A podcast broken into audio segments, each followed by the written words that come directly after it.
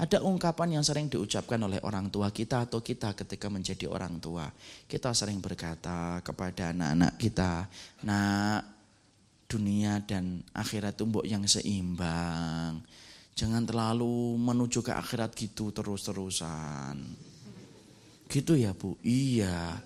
Dalilnya apa ibu? Robbana atina fid dunya hasanah. Wa fil akhirati hasanah. Wa kina benar. Sekarang kita bedah dulu doa itu akhi. Karena doa itu salah dipersepsikan dengan tafsir yang tidak ditafsirkan oleh para sahabat. Antum tahu nggak? Rabbana atina fid dunya hasanah. Hasanah itu artinya apa? Hasanah itu kata Hasan Al Basri dua.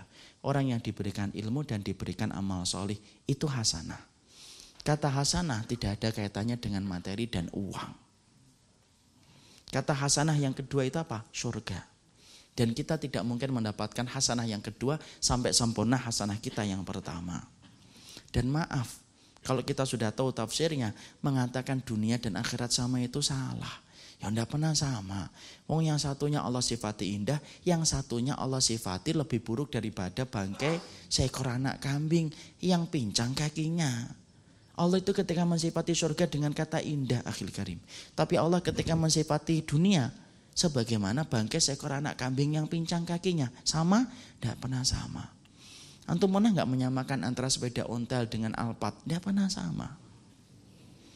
Karena sesungguhnya tidak pernah sama. Makanya orang itu harus kemudian mengatakan ini ada dunia ada akhirat. Maka kemudian genggamlah akhirat dunia antum dapat.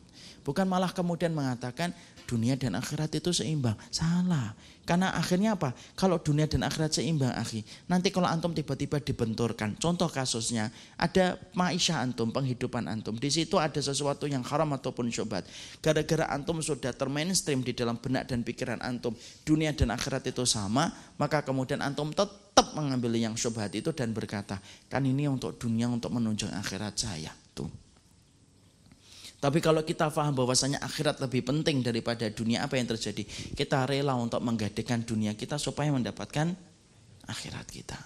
Ini sebenarnya panjang, tapi saya singkatkan ini. Supaya yang paling penting penekanan yang saya sampaikan, jangan pernah lagi menyamakan sesuatu yang jelas berbeda antara akhirat dengan dunia. Makanya Allah memberikan penekanan wal akhiratu khairu abqa. Sesungguhnya akhirat itu lebih baik dan sesungguhnya akhirat itu lebih abadi.